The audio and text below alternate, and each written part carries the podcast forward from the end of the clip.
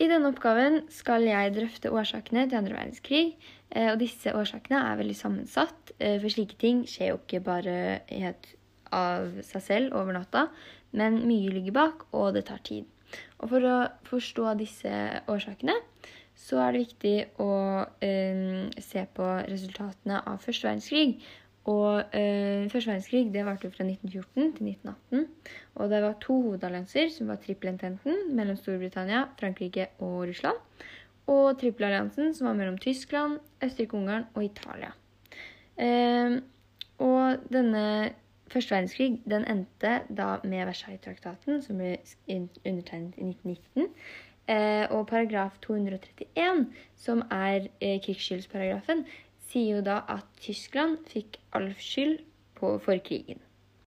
Versailles-traktaten var en av de grunnleggende årsakene til andre verdenskrig. Eh, og dette var en freds fredsavtale mellom de allierte landene, altså de eh, seirende landene, og Tyskland. Eh, Tyskland fikk eh, ulike pålegg og, eller restriksjoner da, som de måtte følge. F.eks. så måtte de betale penger som en slags eh, krigsskadeerstatning til motstanderne sine. Eh, og de måtte gi fra seg land eh, til f.eks. Frankrike. Eh, og hensikten med denne avtalen var jo å bryte ned Tyskland, slik at de ikke klarte å bygge seg opp igjen og starte en ny krig. For eksempel, og I ettertid så kan man jo stille seg spørsmål om dette funket, noe som det da ikke gjorde. Um, og man kan tenke seg at Tyskland ikke var så særlig fornøyd med denne avtalen, for traktaten ga jo landet veldig mange begrensninger. Eh, de ble fratatt land og hadde stor krigsgjeld, som de også måtte betale veldig fort for. og de hadde ingen rom for utvikling, for de måtte redusere forsvaret sitt og handelsflåten sin. Og landet havnet da i en krise, på en måte. Og mange var veldig sinte. Um, og man ser jo at demokratiet funker veldig dårlig i krise. Og grunnen for dette er jo at ting tar veldig tid i et demokrati. Fordi det må stemmes over, og det må gjennom flere ledd da, før det kan settes, settes ut i um, og bli gjort noe med. Uh, I tillegg så var økonomien veldig ødelagt. Uh, det var en inflasjon på 20-tallet der eh, penger mista veldig verdi, og man ser bilder av barn som leker med penger ute i gatene, og folk som brukte penger å fyre peisen med. da. Eh, og når land er i krise og ting som det her skjer, så ser man jo også at ideologier som eh, f.eks. nazisme da vokser fram. Børskrakket i 1929 førte også til en stor depresjon, eh, som også kan regnes som en medvirkende årsak til andre verdenskrig. Eh, og børskrakket fikk store økonomiske konsekvenser for hele verden, egentlig. Eh, men Tyskland hadde også en hyperinflasjon, som jeg nevnte i stad, eh, i 1922 eh, og 1923, som altså var før børskrakket. Men det gjorde at penger allerede da mista verdi, og altså, var ikke, pengene var ikke mer verdt enn det papiret det var trykket på. Og Tyskland hadde også høy krigsgjeld eh, som de måtte betale. Det var stor arbeidsledighet. og sånn, Så Tyskland hadde allerede ganske store økonomiske problemer. Eh, og Det gjorde også at det ble mye vanskeligere. Dette ble en veldig vanskelig situasjon for Tyskland. Og det ble mye vanskeligere å komme seg ut av denne krisen enn det det var for andre land, da, f.eks. Og igjen så har vi dette da med krise. Det, og krise det fører ofte til at man ønsker å ha endring. Uh, og endring i styret. Og man trenger en sterk leder som skulle kunne stå i disse endringene da, og i denne krisen. Eh, og det igjen fører oss videre til Hitler. Eh, og Hitler valgte å bryte denne traktaten, som jeg skal komme litt mer inn på, eh, eh som også er en medvirkende årsak. Eh, Børskrakket gjorde det også lettere for høyre radikalisme å vokse i Tyskland. Og i 1930 så ble nazistene, eh, altså det partiet, det nest største partiet med over 6 millioner stemmer. Eh, det er veldig ulikt for land når eh, denne depresjonen altså slutta, men andre verdenskrig sånn generelt regnes som absolutt sluttpunkt for depresjonen, eh, fordi krigsindustrien ga ganske stor økonomisk vekst for alle land som var involverte da. Weimarrepublikken var den første fellestyske republikken og varte fra 1919 til 1933. Eh, og denne var veldig ustabil og ble til slutt veltet av eh, økonomiske og politiske problemer. Eh, og som nevnt tidligere så var det jo en inflasjon, en hyperinflasjon, i eh, Tyskland på starten av 20-tallet. Um, og dette var jo eh, veldig dårlig for tysk økonomi. Og også eh, var det en veldig stor arbeidsledighet, og det gjør jo at folk går fra disse vanlige moderate partiene til eh, disse mer radikale partiene og gruppene.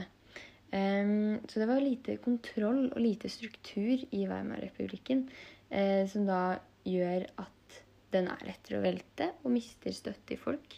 Uh, så den endte da med at Hitler eh, tok makten i 1933. Adolf Hitler var soldat under første verdenskrig og ble veldig preget og bitter av at Tyskland tapte. Og I 1923 så prøvde han på et kupp som kalles Ølskjellerkuppet i München. Men dette kuppet mislyktes, og han ble fengslet. I fengsel så skrev han boka Mein Kampf. Eh, og han lærte mye av dette mislykka kuppforsøket. Hitler var med i partiet NSDAP, eh, Nasjonalsosialistisk tyske arbeiderpartiet. Og de fikk mer og mer makt uh, og oppslutning blant den tyske befolkningen. og ble også til slutt det nest største partiet i Tyskland ved, ved valg, da. Og helt til slutt, med Hitler som leder, fikk de makten i 1933. Eh, Hitler gjorde Tyskland til, da til en ettpartistat. Eh, og de slo ned motstanderne sine, så de eh, Det ble veldig vanskelig å kjempe mot de, da. eller mot dette partiet og mot Hitler. og Hitler var veldig opptatt av å skylde på en ytre fiende. Eh, og dette ble jo da særlig jødene.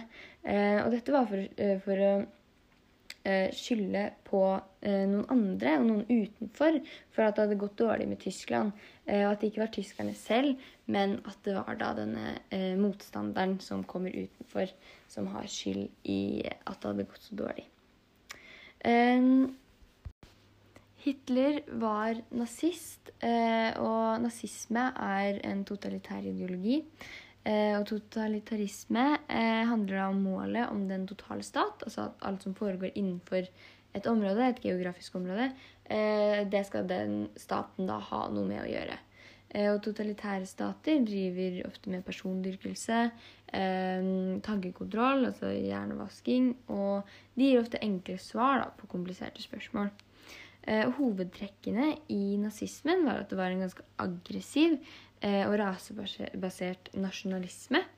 Altså at eh, var veldig, de var veldig opptatt av raser, og at det var renraser, og at det var på en måte én rase som var riktig. Og i nazismen så var dette den ariske rasen. Eh, at man skulle ha blondt hår og blå øyne og sånne ting. Og de var veldig opptatt av antisemittisme. Eh, det var mye jødehat. Og de gikk veldig mot demokratiet. Så uh, nazismen, da, eller eh, eh, Nazi-Tyskland ble jo til et diktatur, og Hitler ble da rikskansler, altså diktator. Um, og Hitler var veldig riktig for Nazi-Tyskland. Han var en veldig karismatisk skikkelse, en god retoriker og veldig flink til å prate. og partiet til Hitler, altså NSDAP, de drev med propaganda og masseagitasjon. Altså at eh, man samler flere folk da, for å drive propaganda for en sak. Eh, og igjen da, så var jo Tyskland i denne store krisen, eh, og de var veldig avhengige av å få en endring. og det Hitler brakte da en ytre fiende, en felles fiende for tyskerne. og han var en sterk leder. Uh, og diktatur, som sagt, så jo, funker diktatur ofte lettere i dårlige tider fordi uh, demokratiet ofte tar mye lengre tid. Uh, og Hitler var veldig opptatt av å bygge opp landet igjen, og han kjempet for, tyskeren, for Tyskland og for landet sitt. da. akkurat som han hadde gjort i første verdenskrig, så var plikten for landet ganske viktig for Hitler. Så hvorfor fulgte så mange mennesker etter Hitler? Eh, Hitler var jo patriotisk, eh, og under første verdenskrig så mente han at plikten for landet sitt var mye større enn det å redde seg selv. Eh, han kjempet for landet sitt, og han eh, ga aldri opp heller. Eh, og I Tyskland på den tiden så var det høy arbeidsledighet. Eh, dette ble også mye bedre under hans styre, for han bygde opp Forsvaret. Og i tillegg så ga han folk, folket en ytre fiende, da, noe som skaper fellesskap og samhold. Og når det kommer til Hitlers utenrikspolitikk, så brøt han eh, totalt flere punkter ved Versailles-traktaten. Eh, og Storbritannia og Frankrike de håpa på å unngå en ny krig, så de drev en sånn type appeasement-politikk, som også er en medvirkende årsak til andre verdenskrig. Eh, for de fikk dårlig samvittighet for hvordan Tyskland var blitt behandla etter første verdenskrig. Eh, og Frankrike og Storbritannia de svikta helt i å stoppe Hitler. Eh, de lot Tyskland ekspandere og bygge ut forsvaret. Eh, og det var flere situasjoner der de også burde kanskje stoppe Tyskland. Eh, F.eks. da Rhinland ble remilitarisert av Hitler i 1936.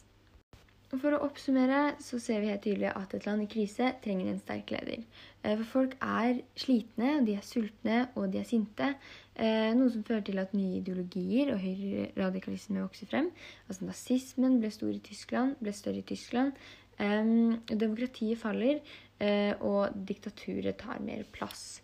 Eh, og Tyskland var helt klart i en stor krise i mellomkrigstiden, eh, noe som gjorde at de trengte å reise seg igjen.